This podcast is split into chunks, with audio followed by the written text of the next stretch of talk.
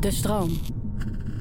Mijn gast vandaag is Brian Elstak, beeldend kunstenaar. En als illustrator maakt hij albumcovers. Hij maakt kinderboeken waar mijn kinderen dol op zijn. Maar er zit ook heel vaak iets activistisch in zijn kunst. En ik ben bij hem eigenlijk vooral heel erg benieuwd waar hij zijn inspiratie vandaan haalt. Wat is een mens zonder houvast in zijn manier van leven? En ieder heeft een handvat en eigen rituelen. Orde in je hoofd zodat alles te overzien is. We praten over routines. Mensen zeggen wel dat kunst maken therapeutisch is. Ja, ja, sure, whatever, weet je. Maar dat was het eerste moment dat ik echt voelde van... It's gone, wat tof. We praten over routines. Hoe laat begint de dag van een kunstenaar? Hoe laat stopt een dag van een... dat was voor het einde van de uitzending, Brian. Precies, sorry, sorry. Ik ga weer te snel. Ehm, uh, in elk geval sowieso rond zeven. Uh, in verband ook met kinderen die, uh, die uit bed getrokken moeten worden. Tieners nu. Dus, drie heb je er, hè? Drie, ja, ja. Eentje is nog geen tiener volgend jaar. Maar um, nee, dit jaar, sorry. Het is alweer 2023. Um, nee, ja, dus rond zeven wel. ja, tafeldekken, kids hun ding laten doen um, hun fietsen bij te zetten. En dan ehm, gaan zij knallen. En dan neem ik of plaats ehm, aan tafel thuis. En dan ga ik uh, dingen doen. Of ik ga naar onze studio, gezamenlijke studio. Uh, waar LFMC zit, onze kunstenaarscollectief. Waar staat het eigenlijk voor? Lowry Foley McLean. En, uh, en het is een beetje een grapje. Het, het klinkt als een advocatenkantoor. Ja. En dat was dus de grap. Maar uh, wie die mensen zijn. Um, Lowry is uh, Will Smith in Bad Boys. Oh ja. Foley is Axel Foley, is Eddie ja, Murphy. Eddie Murphy. En dan heb je nog John McClane, is Bruce Willis in de Die Hard serie. Oh ja. Toevallig alle drie agenten. Maar uh, dus dat is dan een gekke toeval. maar het, gaat, het ging ons meer om de, de underdog gevoel. Van in hun eentje krijgen ze veel voor elkaar. En natuurlijk had uh, Will Smith uh, de Martin Lawrence karakter ook bij zich. Um, maar het bekte gewoon even lekker. Gewoon uh, Laurie Foley McLean. Gewoon drie namen. En jullie zitten in Amsterdam-Noord hè, met die hele club. Ja, ja, en het is niet zo dat iedereen er altijd zit. Veel mensen hebben eigen studio's nog en, en, en werken. Maar het is wel een beetje de headquarters van... oké, we gaan weer een gek Dottie Dancy feestje geven. Nou ja, dan moet Hazy erbij, dan moet Brian erbij... en dan moet nog iemand erbij en dan, en dan hebben we daar dus de meeting. Maar je gaat of daarheen om te werken of je blijft thuis uh, zitten. Maar hoe, dat vraag me sowieso bij jou, maar bij elke kunstenaar eigenlijk altijd wel af van hoe belangrijk het is om toch een plek te hebben waar je naartoe gaat. Waar je over een drempel stapt en denkt, oké, als ik hier ben, gaat het gebeuren. Ja, dat is heel belangrijk. Het is heel belangrijk omdat uh, ik merk ook dat ik af en toe ja, echt ergens anders moet zijn. Uh, gewoon een huisje of zo. En, ehm, want ik weet niet, het is toch net iets te familiair soms, thuis. En dan loop je naar een koelkast en dan eet je snoep van kinderen. En dan, weet je, je gaat gewoon dingen doen die, um, of je begint wat later. Uh, en dat wil ik niet. Dus ik heb dus echt dat ik naar, uh, ik had ook een andere studio in Alap. Daar ga ik wel weg, omdat het, een beetje onzinnig om, voor mij dan, om twee studio's te hebben. Dus dan ga ik toch naar LFMC, wat echt ernaast is. Alap en uh, waar we zitten is echt dicht bij elkaar. Um, maar het is heel fijn om gewoon inderdaad ergens te zijn en, en te gaan knallen daar. Ja joh, dat, dat, uh, ik denk ook als aandachtsritueel. Hè? Dat je gewoon Zeker. eigenlijk je hoofd ook vertelt van oké, okay, we laten deze wereld nu achter en deze wereld stappen we in. Ja. En nu ga ik aan het werk. En dan dat werk van, is het bij jou altijd zo dat, dat je een lijstje hebt van, van opdrachten en taken? Of, of ga je gewoon zitten en kijk je wat er gebeurt? Nou, in het begin, ik heb, ik heb heel lang gewerkt voor een, uh, een theatergroep, echt twaalf jaar, waar ik communicatie deed. En sinds jongs af aan en ook tijdens dat werk, uh, werkzaam zijn daar, um, heb ik altijd kunst gemaakt. Voor mezelf en voor vrienden, uh, veel hip-hop artiesten, albumcovers en zo. Um, maar toen ik daar weg moest, want hè, Halbe Zijlstraat, VVD. Oh ja, die tijd theater moet, uh, wat is het? Cultureel Nederland moet kapot. Want ah joh, hobby. Uh, nou, er is natuurlijk een eh, leger aan ZZP'ers uit voortgekomen, waaronder ik. En um, En toen was het wel even lastig van, oké, ja, wat, wat ga ik doen? Want ik kan best wel veel en dat geloven mensen eh, toen niet. Weet je, ze van ja, nee, je kan niet overal goed in zijn. Of niet overal, maar in veel. Je moet één ding echt. eh, dus dan is het soort van ja, hoe ga je mensen overtuigen? Ehm dus heel veel gesprekken gehad met mensen.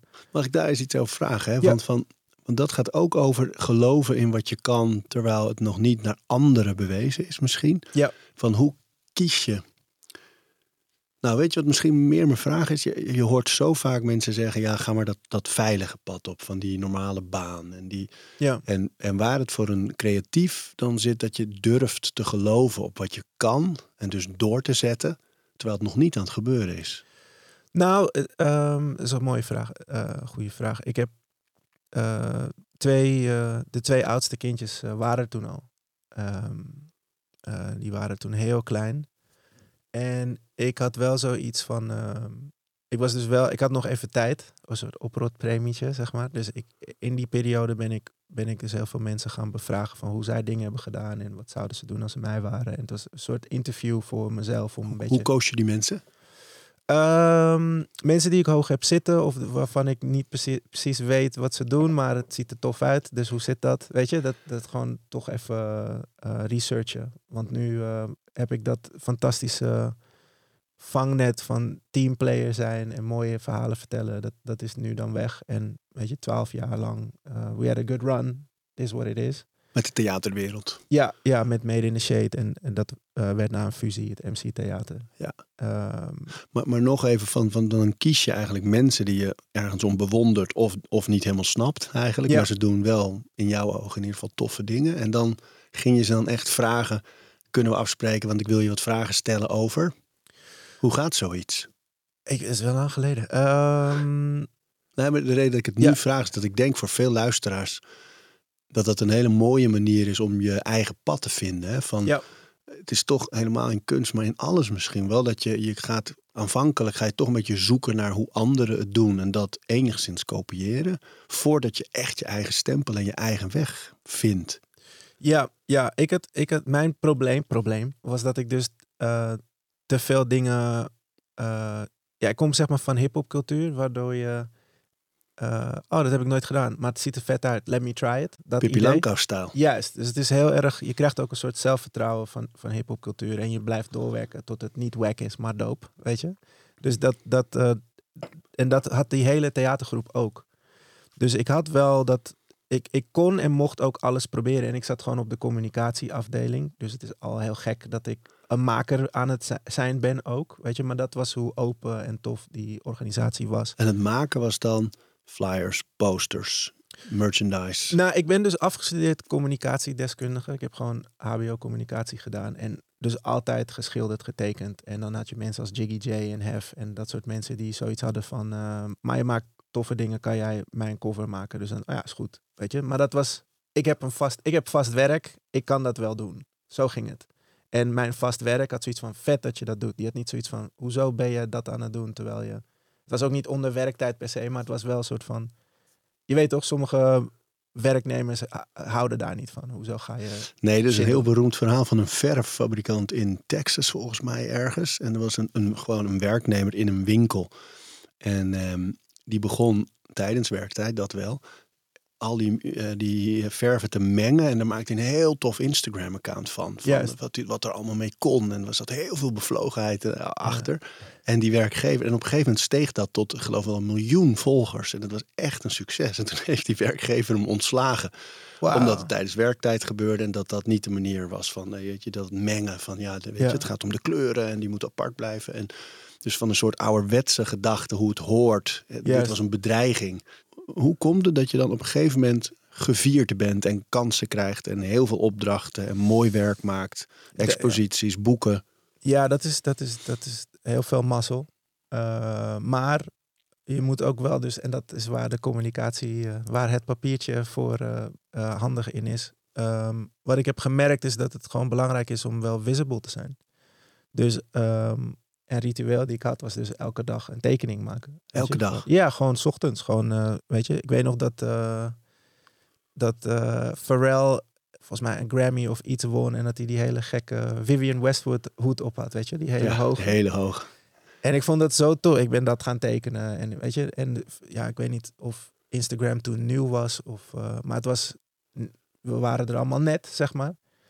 En ik begon dus ehm, gewoon die tekeningetjes van de dag, niet allemaal, maar van de week dan de beste gewoon te, te plaatsen. Waardoor ik de hele tijd inbreek in ehm, je feed, zeg maar. Ja, Weet oh, als man, ik weet volgt. dat nog. Want ik weet ook nog, en dan had jij, je had ook voor, voor, voor Vondel Gym ook wel eens, dat was iets later natuurlijk, maar ook nog die dagelijkse dingen. Als er dan iets actueel was, dan had je bijvoorbeeld dat fragment op AT5 van Ja. krakakaka. Ja, ja, ja. En toen had jij zo'n tekening gemaakt van Vondel Gym met allemaal mensen die aan het sporten waren, alle kleuren van de regenboog vertegenwoordigd. En er stond ook die krakakaka ja, precies. boven. Dus daar Precies. speelde je ook heel handig op in. Hè? Dat mensen, er Ja. zat iets van, oh het is leuk om door te plaatsen. Het, is, het Ja. leeft. Je bent met de actualiteit bezig. Klopt, ja. En ik, ik geef nu dus ook les op, op Rietveld. Dus wat ik mijn studenten ook, ook zeg is soort van, ja, dat wat jij bent, dat is interessant. Want we maken allemaal schilderijen, we maken allemaal installaties, we maken allemaal sculptures. Weet je, het, we doen het allemaal wel. Maar wat maakt jouw werk interessanter is, is dat it's fully you. Dus die gekke humor die ik heb en die jij ook deelt en die die ook heeft en die ook. Weet je, als je dan iets schildert of zo, of een mural maakt en die, dat grapje zit daarin, dat, dat onthouden mensen. Dat vinden ze gewoon heel tof, weet je, of niet. Uh, ja, hoezo krijgt deze guy, weet je, haters everywhere natuurlijk. Maar, eh, maar het idee van, eh, ehm, ik weet nog dat iemand, eh, ik, zit, ik zit op Twitter, maar ik zit niet op Twitter. Dus af en toe open ik iets, gooi ik het en kijk ik, oké, het is nog Ik, steeds ik heb daar al geen jaren meer iets gepost, maar ik En heb nog wel snel account. Ja. Ja, precies. En, eh, Ja, maar posted en ghosted noemt ja, eh, precies. Joe Rogan Post and ghost, inderdaad. En, en ik, weet, ik weet niet wat er was, maar ik had dus een beeld ehm, gemaakt eh, wat Stedelijk Museum had gedeeld. Weet je, een soort dat ehm, Ghostbuster logo. Maar dan duidelijk een, een, een witte man, maar wel met soort Zwarte Piet smink. Oh ja, Weet je? Dus ik had dat. eh, dat hadden zij gerepost. En eh eh nou, Thierry Baudet vond daar wat van. En moet, moet stedelijk nog wel subsidie krijgen als ze dit soort shit gaan doen. Hij zegt, oké, cool. En er waren een paar van zijn henchmen trolls die dan mij mini gingen researchen en zeiden, ja, dit maakt hij. Dus toen had ik Kermit de Kikker getekend die een soort tosserbeweging maakte. Ze van, oké, boemen. En toen waren ze meteen weer weg, omdat ze gaan er niet vanuit dat je engaged of zo. Weet je? maar daar heb je iets maar dat is dan wel hè? die joke, weet je? Die joke van Kermit die dan van, prima vriend. Ja. Maar en want daar heb je meteen iets de kracht van, eh, van dat. Ik dacht in voorbereiding op dit gesprek ook van er zit iets activistisch in jouw werk met dat soort beelden. Hè? Van, Ja, het gaat vaak Van Kermit. over. Ja, nou, van- niet van wanking Kermit misschien, maar wel van die, die Ghostbuster, die witte man met het zwarte gezicht. ja, En ehm, het gaat vaak natuurlijk over dat thema ook, de racisme in, eh, in Nederland, in de westerse cultuur. Ja. Daar heel actief op. En dan, als je erover nadenkt, hoe krachtig cartooning, illustraties, beelden eh, kunnen zijn. Weet je, de Mohammed cartoons, daar, daar gaan mensen over, die worden ervoor vermoord. ja. Ehm, ben je daarvan bewust op het moment dat je bijvoorbeeld zoiets maakt, dat je denkt van ja, maar dit gaat landen, dit gaat als een vuistslag aankomen. Is dat ook het doel? Ehm, nou ja, twee dingen. Eén is, is, dat is waarom ehm, in die kinderboeken van mij, die, die drie, eh, die trilogie, dat er een potloodzwaard is als magisch. Die heb ik thuis, hè? Die, die tekeningen. Daar zitten ze, de drie eh, hoofdrolspelers. ja, je hebt eentje gekocht, ja. Dankjewel nog. Ja. Met, met, met inderdaad dat zwaard van potlood. Ja, ja, maar dat is dus ook wel symbolisch van ehm, ook naar, weer naar mijn kids toe. Van ja, oké, je vader maakt geld met, met zijn potlood, weet je. En je kan mensen schofferen met die, met die potlood. En je kan mensen samenbrengen met zo'n potlood. En het is, it- it's all of that, weet je. Het is een soort, het is een verlengstuk van je, van je creativiteit. Dus ik, dus neem het, ik neem het heel serieus. Als je weet dat het heel veel mensen schoffeert, dan moet je je afvragen waarom je iets wil doen. Ehm, en dan moet je research doen. Dus een Mohammed cartoon is, is niet slim, is niet zinvol, is, is ook niet nodig. Weet je, dus, dus om dat als voorbeeld even te pakken. Dus ik ga dat niet doen. Ook omdat ik ehm, heel veel moslims ken die gewoon tof zijn, maar die denken dan wel een soort van: waarom doe je dit? Weet je? En dan komt er een soort: ja, ik, ik moet het kunnen, want alles moet kunnen. Dat is, dat is niet nodig. Weet je, dus je moet gewoon Maar ik dwaal weer af. Ik had Nou, twee dingen. laten we daar toch even voordat je doorgaat. Ja. Van, van kijk, want dat gaat heel erg over. In comedy heb je hetzelfde. Ik las een oud interview met Jan-Jaap van der Wal. Die ook zei, als het bijvoorbeeld over racisme gaat. Ja, Heb je een school, cabaretiers ehm, en, en televisiemakers.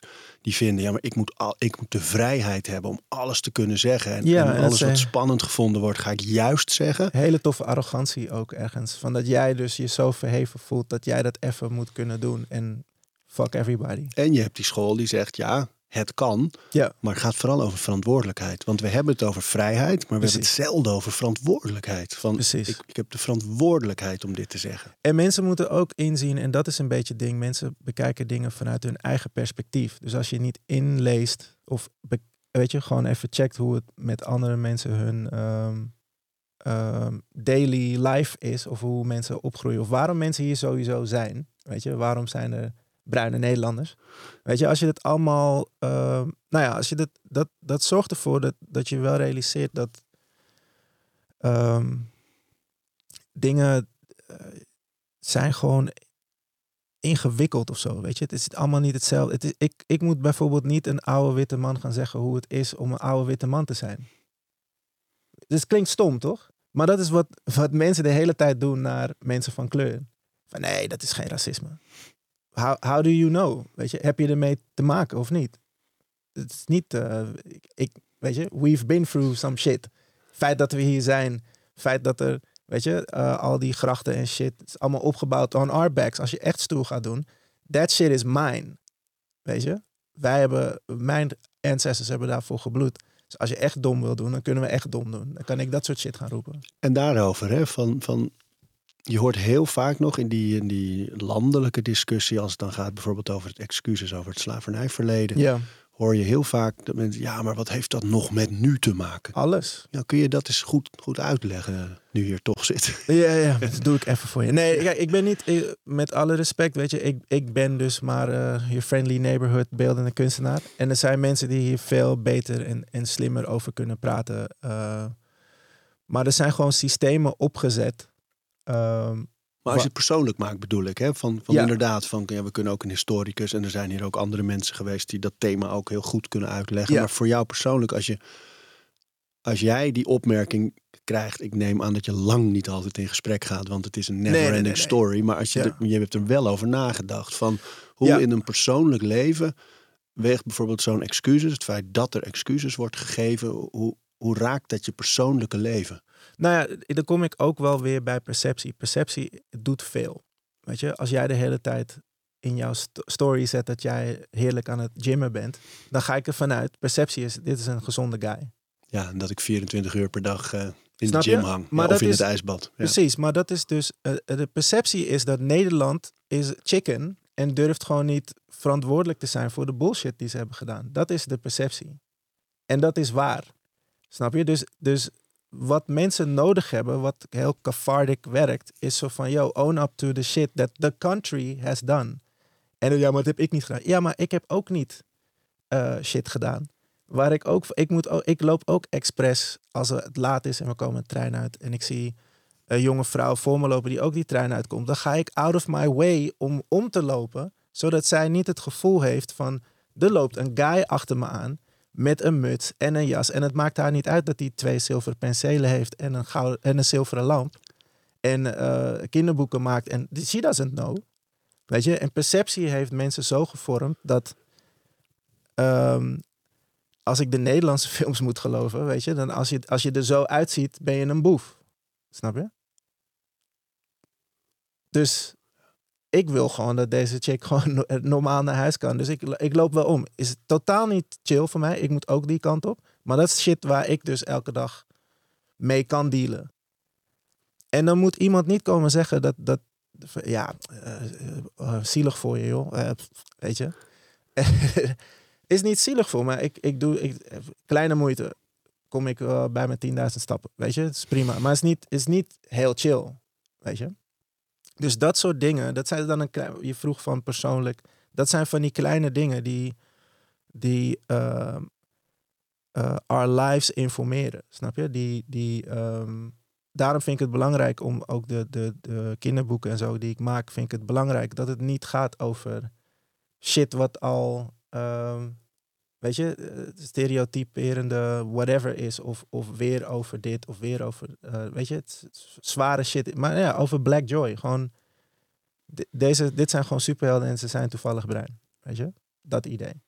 En daar heb ik veel meer en eh, minder, daar zie ik veel minder van. En dat vind ik dus belangrijk om te maken. Dus ik probeer de dingen te maken die ik zelf mis. Dus als ik de hele tijd iets mis in een soort discours en ik kan een tekening maken die dat dan, eh, weet je, laatst in de Volkskrant had ik, weet je, ook een, een beeld gemaakt. Gewoon van allemaal black people die gewoon wachten, een soort van, die gewoon keken naar, naar de lezer.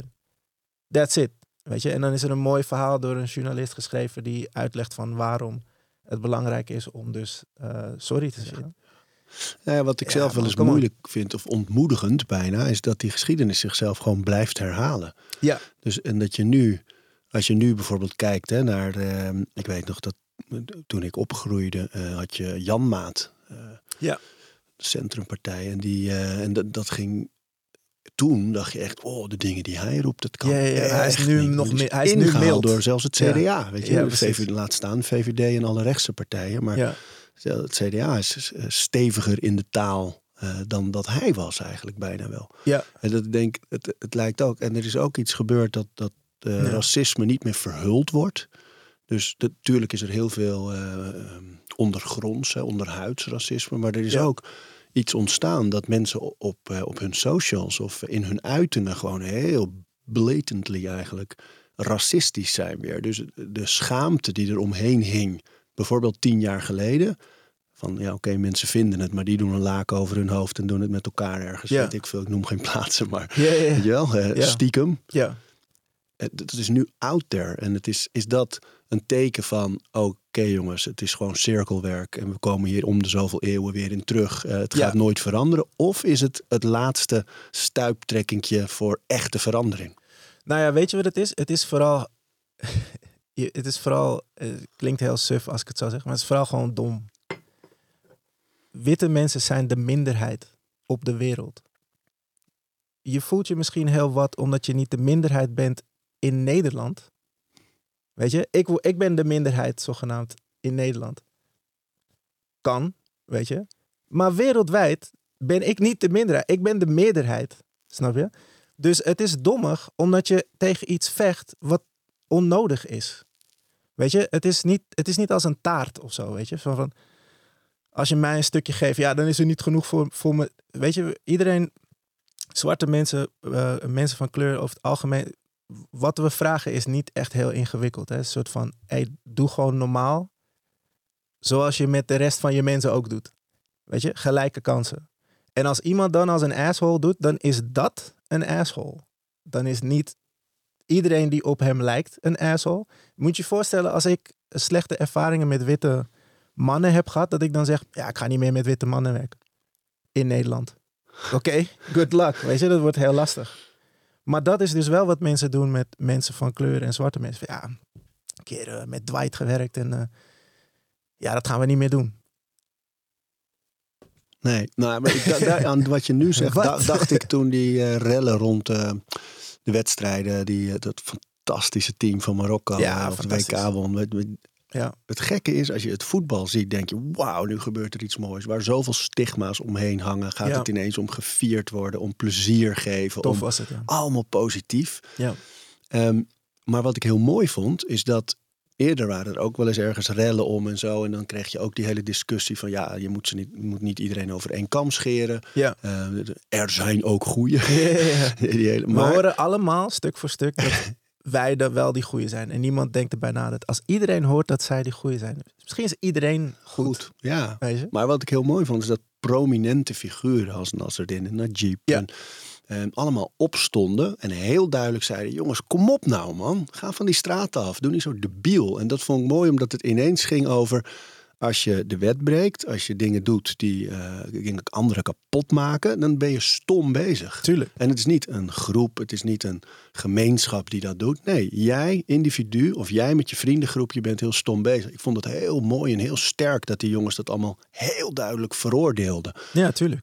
Tegelijkertijd lijkt het me, als je in Nederland die minderheid bent, heel vervelend dat dat altijd weer van je gevraagd wordt. Van Ja. ver- veroordeel het dan, want Nee, precies. Maar wat, wat ik merk, en dat is een beetje, dat zeggen ze ook, zo, weet je, eh, eh, eh, Black Joy is een is a act of re- revolution bijna.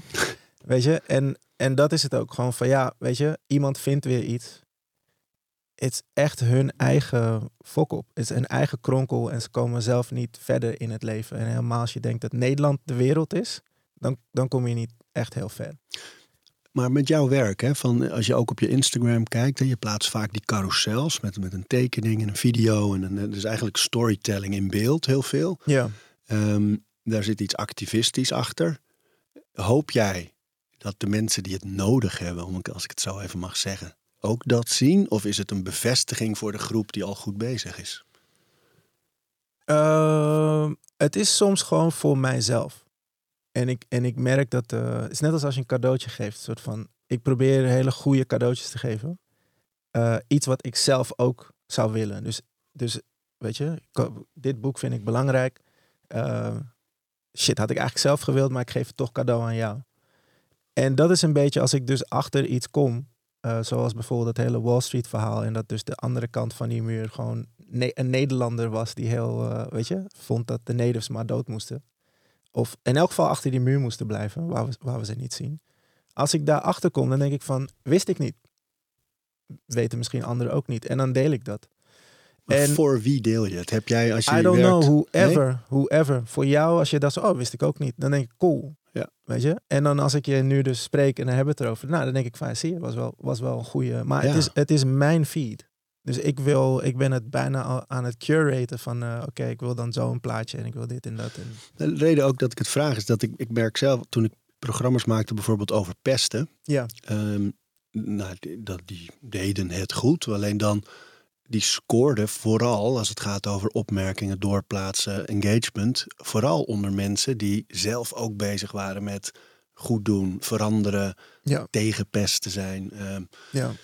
en de groepen die verantwoordelijk zijn voor het pesten, ja, ik weet niet of die zoiets zien ooit, weet je wel. Dus ik vind dat wel eens moeilijk met Ja, weet ik ook niet. mooie dingen maken of dingen die iets teweeg kunnen brengen Ja, gaat het dan over het doorcijpeleffect? Van als ik maar genoeg mensen hiermee in aanraking breng, dan zijpelt dat de samenleving wel in en komt er mooie verandering. Nou ja, dit is dus het ding. Je, je weet gewoon niet of je mensen bereikt. En je ziet soms wel cijfers, toch? Soort van zoveel likes of zoveel dit. En het, het zegt mij echt niks, zeg maar. En, en ik vind het is pas real voor mij als. ehm, nou ja, dus dat die kinderboeken zijn gemaakt. En dan, en dan krijg het is pas real wanneer mensen dus gewoon sturen van hé, hey, eh, eh, hij heeft gewoon een goed gekregen voor zijn spreekbeurt. Weet je, of zijn boekbespreking, of zij heeft dit gedaan. En is heel erg geïnspireerd door. Dan denk je, ah, vet. Real, real life interactie, zeg maar.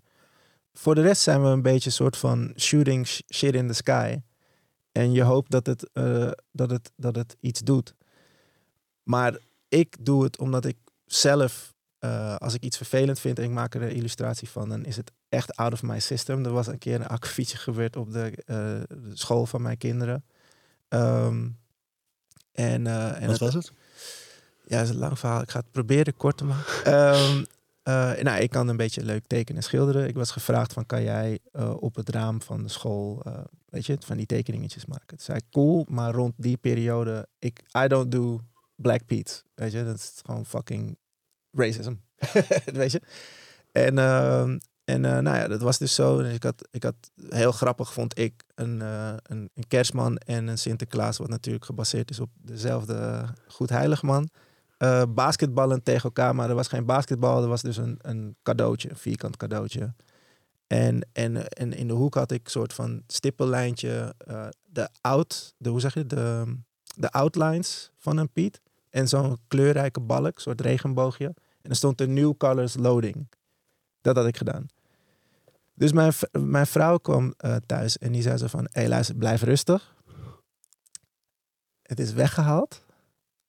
En de juf gaat jou vertellen eh, morgen... eh, wanneer je ze brengt, waarom. En er kwam een, een, ja, een soort weak sauce verhaal van... Ja, nee, we kregen toch wel klachten. En ja, leek ons toch wel beter om het weg te halen dan dat er een baksteen door het raam zou komen. Dus in plaats van, dus ik vroeg welke vader, ik ging ervan uit dat het een man was, welke vader heeft dat dan gezegd? Want dan, ja, nee, dat, dat is niet belangrijk.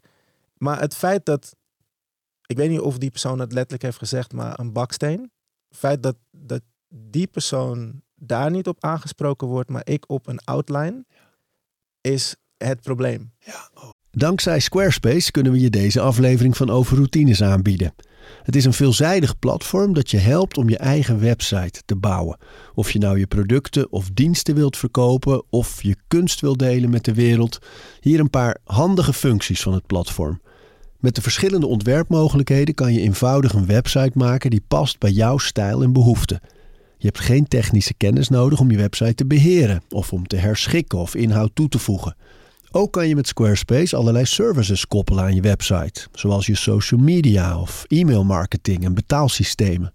Zo kan je de mogelijkheden van je website nog veel verder uitbreiden. Je kan het nu uitproberen door de gratis proefperiode via squarespace.com/overroutines. En ben je klaar om je website te lanceren? Gebruik dan de code OVERROUTINES, dan krijg je 10% korting op je eerste aankoop van een website of domein. Uh, laatst was uh, Massi Hoetak hier de gast. En die illustreerde precies dat. Die gaf het voorbeeld van zwervers in een portiek. Ja. Dus wat wij doen in onze samenleving is dan niet kijken. Hoe kunnen we ervoor zorgen dat er geen zwervers zijn? Of dat er een plek is waar zwervers kunnen zijn. Waar Juist. ze warmte hebben en liefde en aandacht Ja. en eten. Nee, wat wij doen is zorgen, hoe krijgen we die portiek dicht? Zodat daar geen zwervers We kunnen gaan daar gaan liggen. spijlen zetten. En, dat is eh, precies dit. Hè? ja, van. Je gaat niet kijken waar zit de kern van alsof dit het een duif is. Gewoon, weet je, van die punten. Ja. ja. In plaats van een mens. Ja, maar met dit ook. Van dan ga je dus liever zorgen dat die baksteen er niet is. Terwijl je gaat kijken waarom zou iemand een baksteen naar een tekening willen gooien. Die gaat over een maatschappelijk onderwerp waar Ja. kinderen baat bij hebben, notabene. Ja, en nu, jaren later, is er dan eindelijk iets veranderd. Om het, dat verhaal even rond te maken. Positief einde. Ja, maar het was een soort kip-ei verhaal. Zo van, ja, we wachten tot het Sinterklaasjournaal iets doet. En dan, dan pas kunnen we move. Anders is het Shout-out weird. Diewertje Blok. S- Sowieso. Maar het Sinterklaasjournaal werd ook natuurlijk bedreigd. Ik weet niet of je dat ook meekreeg. Ja. En die hebben ook zoiets van, ja, eh, de people zijn er nog niet klaar voor. Dus het duurde allemaal heel lang. En we zijn er nu, zijn we een stuk verder gelukkig. Maar ik, werd, ik, ik merkte dat ik echt eh, een soort rage had waar ik echt iets mee moest doen. En toen ben ik gewoon gaan tekenen. En toen heb ik eigenlijk mijn eerste, een van mijn eerste animaties gemaakt. Want ik kon niet animeren. Ik kan eigenlijk nog steeds niet animeren, maar ik doe het heel omslachtig. En het was dus een soort van de Sint die zelf zei, eh, het is 48 seconden of zo duurt het. Maar het is de Sint die zelf zei van ja, eh, ik ben hier klaar mee. Kijk hoe jullie eruit zien. Is echt, weet je, want hij had allemaal in zijn hoofd al die huilende kinderen van kleur. En, toen zei, en hij keek zichzelf in de spiegel en toen zei hij tegen dus witte mannen die zichzelf aan het sminken waren. Met smink, zeg maar. zei hij, ik kap ermee. En toen moesten al die witte mannen met smink lachen. Zo van, je maakt een grapje. Nee, nee, nee. Look how the fuck you look. Weet je, het is gewoon klaar. En dat die mannen dus zo ehm, trots zijn, of stubborn, weet je. eh, dat zij dus die goed heiligman zelf gingen aanvallen. En hij, ik had hem dus soort allemaal kung fu bewegingen. Dus hij kikte al hun ass, zeg maar. Hij sloeg één Piet zo hard dat de smink gewoon eraf kwam. En ik had filosofische stilte een producer gevraagd om eh, muziek eronder te doen. En dat had ik. En, maar toen ik dat had gemaakt, toen moest ik lachen. En alle soort rage die ik voelde was weg. En dat was de eerste keer dat ik echt voelde van dit is. Mensen zeggen wel dat kunst maken therapeutisch is. Ja, ja, sure, whatever, weet je. Maar dat was het eerste moment dat ik echt voelde van it's gone, wat tof, weet je. En dat ik echt moest lachen, want het was ook gewoon een grappig filmpje. En ik heb het ook gewoon destijds gedeeld. Het was echt 2010, dat is echt lang geleden alweer. En, ehm, of 2011, ik weet niet, one of those. En dat was het eerste moment echt dat ik dacht van, eh, ik moet dit vaker doen. In plaats van dat het dus opgebotteld zit en sommige mensen gaan rondje rennen en boksen. En dat, dat deed ik ook allemaal wel, maar dan zat je alsnog soort boos te rennen of boos te boksen. En dan zie je die situaties voor je. dan, hè? Uiting het moet er echt- aan. Ja, het moet echt eruit op een bepaalde manier. En voor iedereen is het anders. Maar dit was dus voor het eerst van, oh ja, dit is, this is my way. Hey, en die boeken, hè, want nu is Lobby net de, de derde eigenlijk in een reeks. eh, uitgekomen. Hè? Die Ja. kinderboeken met die drie hoofdrolspelers gebaseerd op je eigen kinderen. Eh, mooie, fantasierijke vertellingen elke keer weer. Vol met jouw eh, illustraties. Wat, is het, wat hoop je er nog mee te bereiken nu? Nou, ik vind het wel leuk om, om dingen ehm, goed af te ronden. Ehm, dus ik wil niet. eh, dus dit is wel klaar. Ja? Eh, ja, ja. Deze dit, drie Deze kids, reeks. Drie kids, drie boeken. Eh, en elk heeft het zwaartepunt ligt een beetje bij, bij één van ze. Het gaat over alle drie altijd. Maar het is voor mij een soort symbolisch ding van. en nu gaan we weer hele toffe andere dingen doen. Dus er zijn genoeg ideeën voor, voor eh, andere projecten nog. Maar wel elke keer weer in die rolmodellenhoek van laat er meer werk zijn waar alle kinderen zich mee kunnen identificeren in plaats van alleen witte kinderen. Nou, het, wat, ja, ik wil gewoon maken wat ik leuk vind. Dus als het, als het een verhaal is over een, ehm, een wit jongetje, dan moet ik dat gewoon kunnen doen. Ehm, bijvoorbeeld, weet je. Eh, dus ik, dus ik, ik ben wel bewust van dat, dat, dat, dat het belangrijk is om, ehm, om ehm, eh, dingen te blijven maken in de stijl dat ik, dat ik doe en qua onderwerpen. Maar ik heb wel echt zoiets van ja, als het, als het ik weet niet, het moet gewoon kloppen. Een soort onderbuikgevoel, een soort spider sense. Van eh, dit is een project wat ik moet doen. Dus stel je voor, eh, weet ik veel, jij verzint iets heel geks. Maar het gaat dus om een klein wit meisje die, weet ik veel, een soort eh, ineens in een andere dimensie terechtkomt. En eh, nu met paardmensen moet eh, communiceren. Vind ik tof. Als jij mij vraagt om daar iets mee te doen, dan gaan we bijvoorbeeld dat gewoon doen. En dan eh, moet het niet zo zijn van ja, maar ja, hoezo werk je met Ari? Je maakt toch alleen dingen met bruine mensen of zo? Snap je dat? Dus da- daarom heb ik Ja, je wil niet vastzitten ook. Nee, nooit. En qua inspiratie, hè, van hoe jij, dus als je, als je eh, tekent, Ja, eh, waar haal jij je ideeën vandaan? Is daar geen iets idee. over te zeggen? Gewoon Wat lees je zelf bijvoorbeeld? Ik, nou ja, gra- grappig genoeg, ik, ik ga heel vaak naar eh Henks Comics en Manga op de Zeedijk. Eh is echt een paar deuren verder van Patta en TNO en zo, en, en, en Bonnerijn. Ehm, en ik ga daar gewoon struinen, want ik vind ehm, comics zijn heel belangrijk voor mij geweest, ook cartoons en zo. En ik, ik zie dat als soort toppunt van creativiteit. Er werken zoveel mensen zo hard aan een verhaal. Weet je, als je alleen al zo'n film neemt als Into the Spider-Verse, wat dan ook eh, terecht een Oscar wint. Er zit zoveel detail en kunst in. Ik zie dat als een van de highest art forms, zeg maar. En je moet je voorstellen, Hanks Comics en manga is dus op de centimeters, op de millimeters gevuld met gewoon wel verhalen, inclusieve verhalen, wel qua makers en qua de, de onderwerpen. Ehm, alles wat je eigenlijk mist in dus media.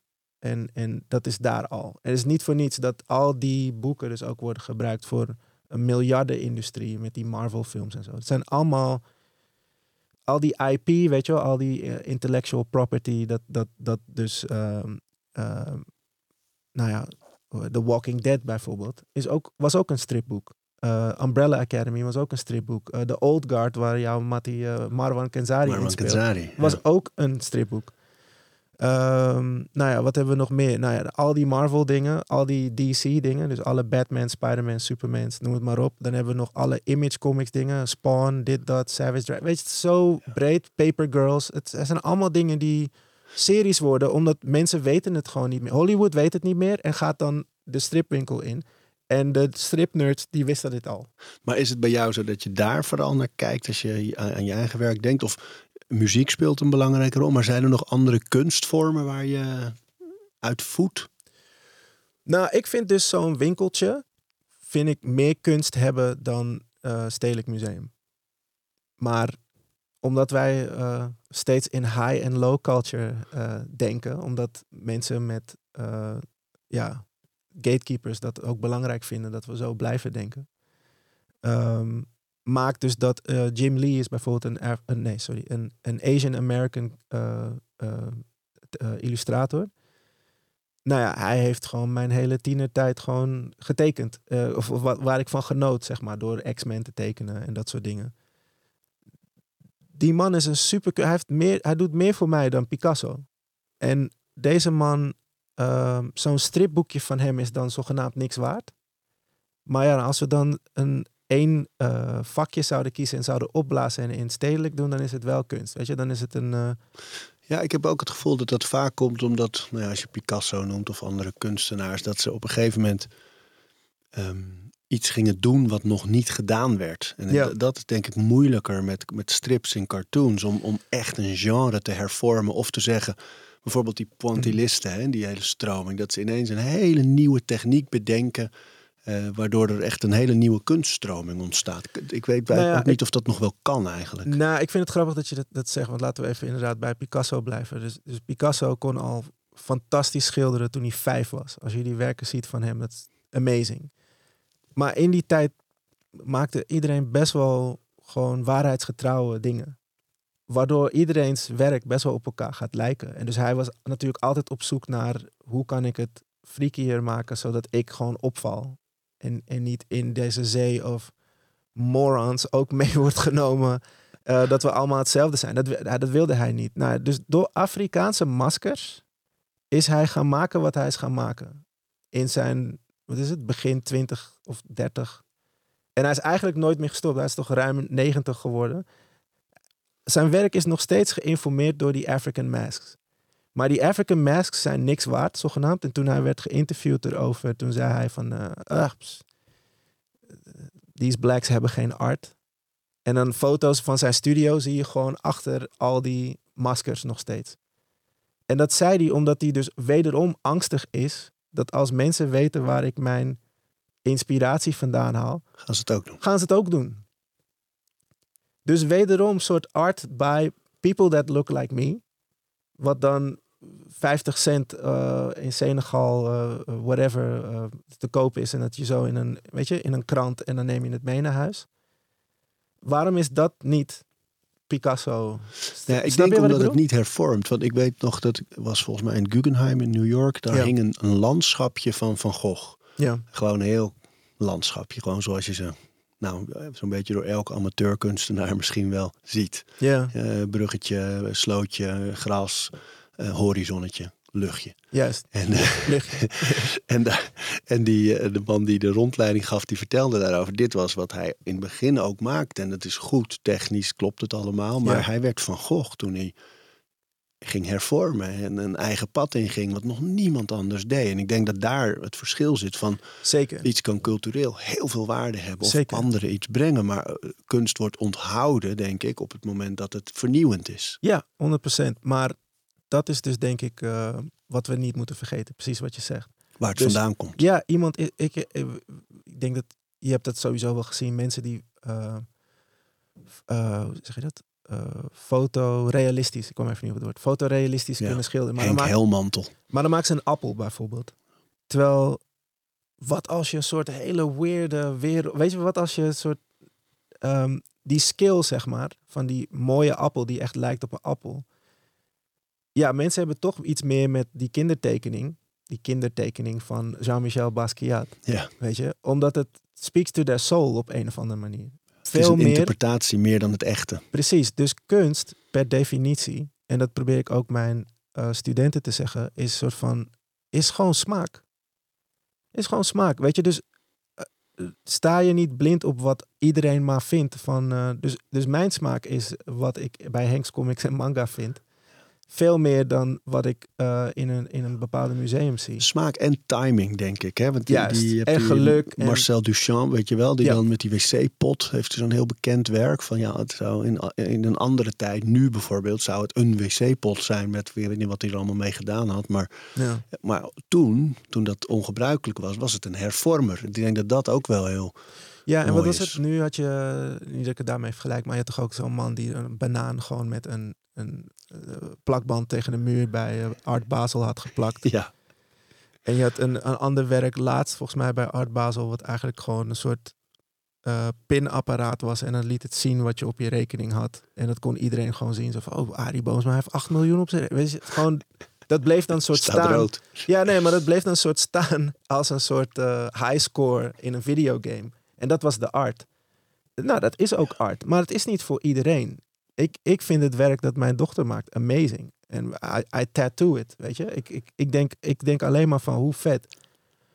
Maar ja, iemand vi- vindt het gewoon nonsens die het ziet. En dat is ook waar. Snap je? Dus het is allemaal ehm, Interpretatie, ja, interpretatie. hokjes, timing. En, precies. En daarom denk ik van ja, laten we niet, eh, laten we niet te stoer doen van ja, zo hoort kunst te zijn of zo. Dit is niet hoe het hoort. Nee, maar het mooiste is wel, denk ik, als het Dat een vehikel is. En dat kan voor iedereen, maar zoals jouw boeken, die zijn heel duidelijk wel, vind ik, ja, het is bijna missionair, weet je wel, van laat dit er ook zijn. En, eh, en ik- weet, nou, mijn kinderen hebben er ook van genoten, weet je wel. En, Ja. eh, dus het, wat ik zo mooi vind aan, aan kunst, en met name ook literatuur, maar zeker ook de illustraties erbij, is dat het gaat eigenlijk aan al die dingen voorbij. Dus jouw doel hiermee is heel duidelijk. Laat er ook rolmodellen zijn waar mijn kinderen en alle kinderen zich mee kunnen identificeren. Ja, Maar dat dat dan ook gebeurt, omdat, weet je, mijn kinderen eh, eh, gelukkig denken niet in kleur. Die denken gewoon aan, hey, drie hoofdrolspelers die toffe avonturen eh, ja. meemaken. Jij zei nog van het begin, ja, daar komen de rituelen. En het gaat vooral over het tekenen, het creëren, het kijken. ja. Missen we nog dingen in jouw dag dat je denkt van dit is een ritueel dat echt bij mij hoort? ik heb echt een paar domme rituelen, maar die wel. Nou, noem ze. Nou ja, als ik tanden poets, ga ik squats doen. Hey. Weet je, Ik probeer gewoon 100 squats te doen tijdens tandenpoetsen, want ik ga anders geen squats doen.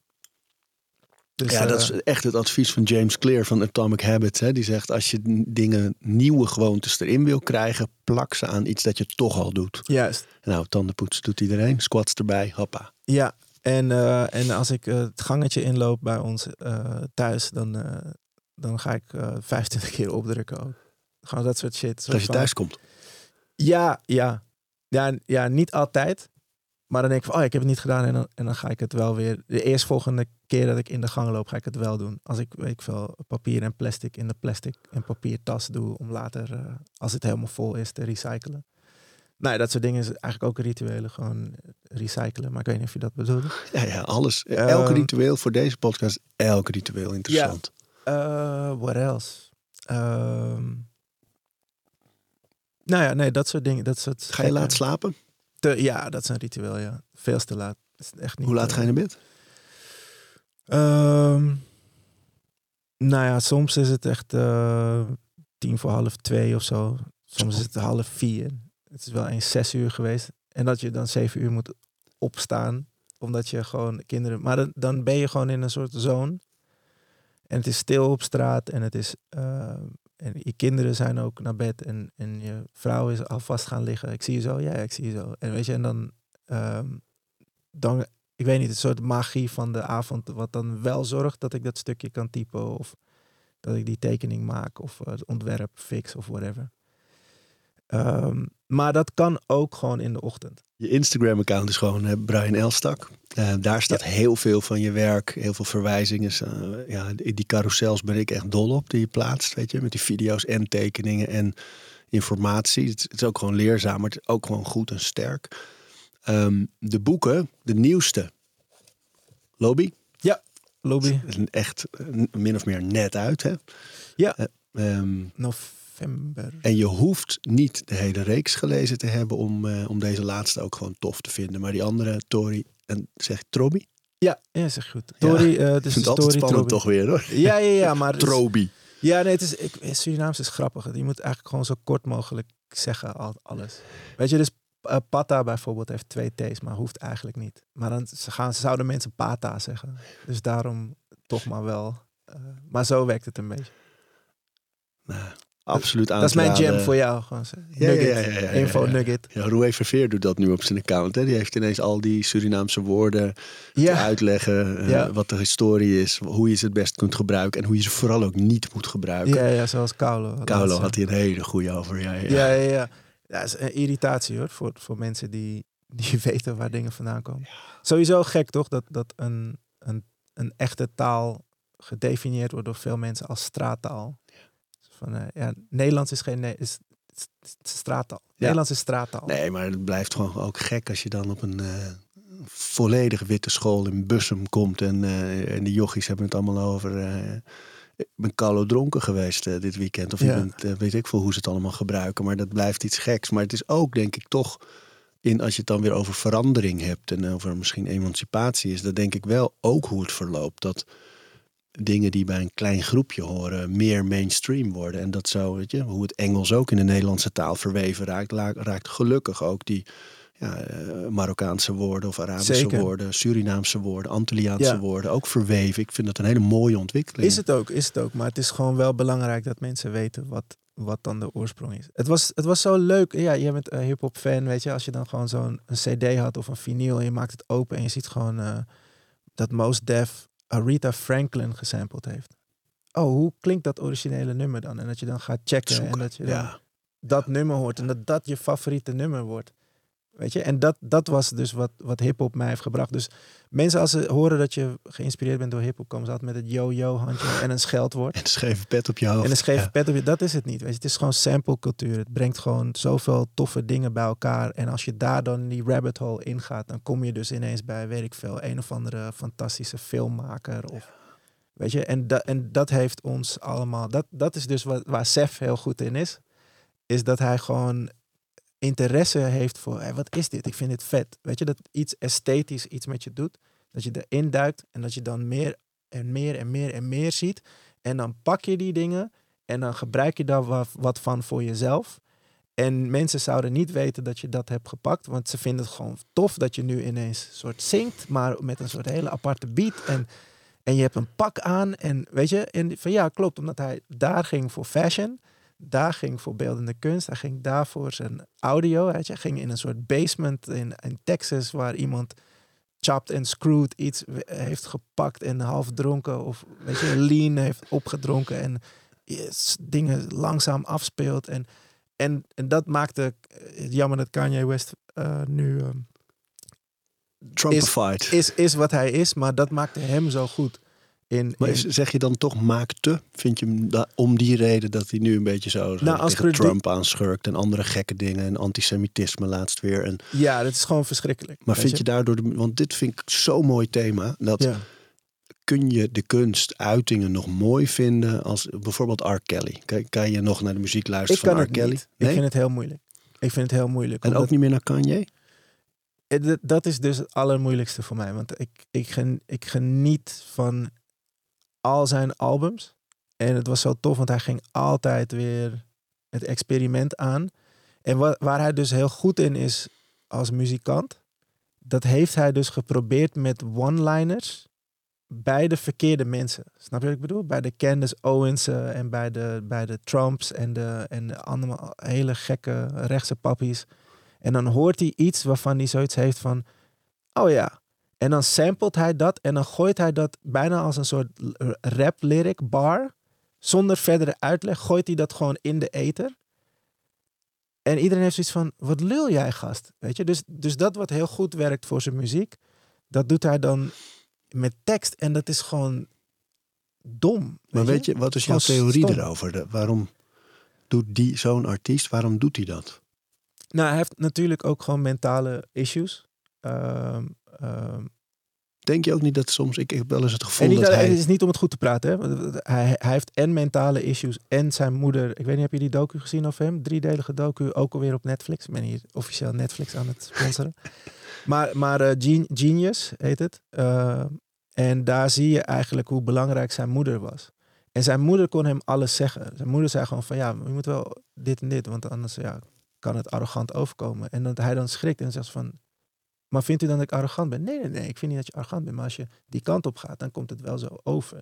Maar rap is weer even dat nummer voor me.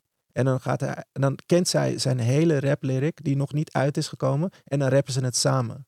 Mooi. En zij was dus... en- Genius heet ik, hem helemaal niet gezien joh. Is ja. Genius is met J-E-E-N. En dan, ja, heel gekke. Maar als je gewoon Kanye West intoetst, dan krijg je het zeker. Is drie delen. Maar dan zie je hoe belangrijk zijn moeder was voor hem. Want zij begreep hem. Zij, ehm, zij heeft ook een boek uitgebracht, volgens mij, van Raising Kanye of zo. En, eh, eh, en dan vond ze ook gewoon zijn hele porno-collectie en dat soort shit. Weet je, gewoon boekjes en zo. En daar heeft ze het ook over. Maar ze, maar ze is dus een educator. En, en haar zoon heeft gewoon issues.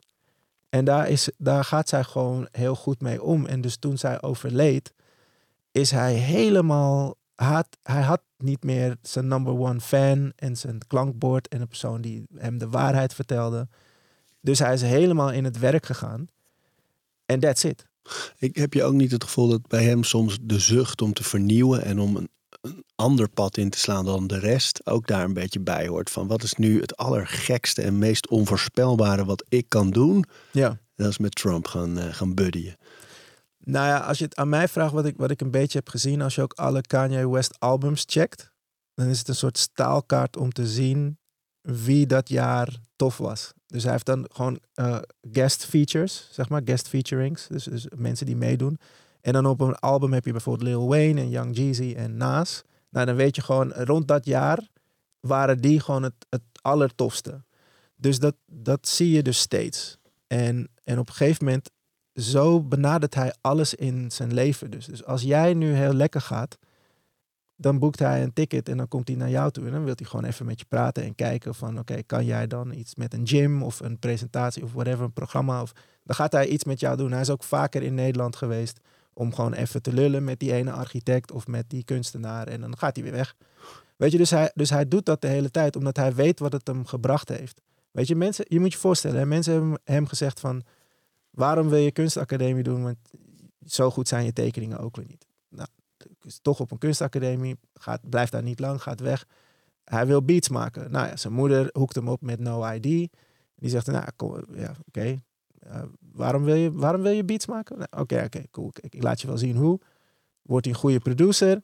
Zegt hij, ja, ik, wil, ik kan ook rappen. Ik wil eigenlijk ook rappen. Waarom wil je rappen? Je beats zijn zo tof. Blijf beats maken. Nee, nee, ik ga rappen. Dan gaat hij rappen, wordt hij goede rapper.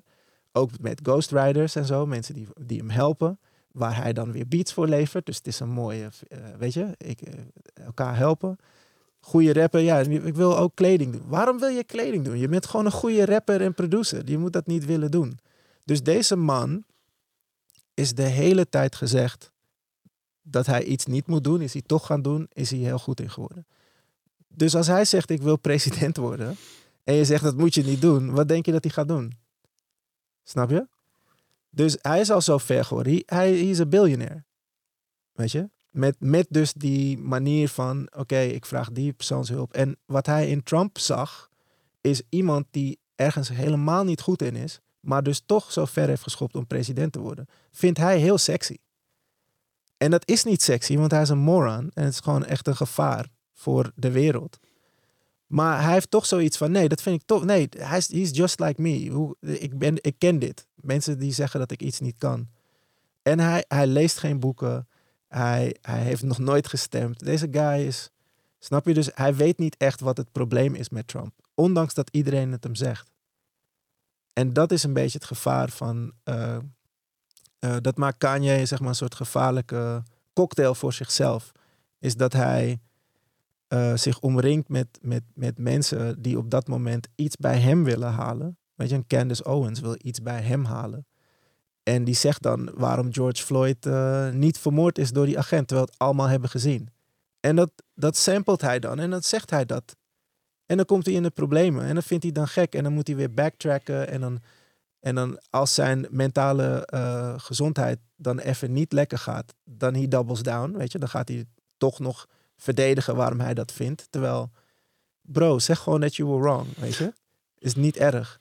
En het, is, dat vindt hij dan moeilijk. En het gaat ook zo met zijn relatie met zijn vrouw en straks ook met zijn kinderen. Het is gewoon, het is heel zielig eigenlijk. Het is heel fucked up. Het is, het is, en als fan van hem, wil, you want to see him do good, weet je. Je wil dat hij, en daarom zie je hoe Jay-Z hem ook uh, behandelt. Soort van, hij heeft ook rare dingen over Jay-Z en Beyoncé gezegd, weet je. Maar Jay-Z weet van, this is my little brother, weet je. En hij is niet altijd labiel.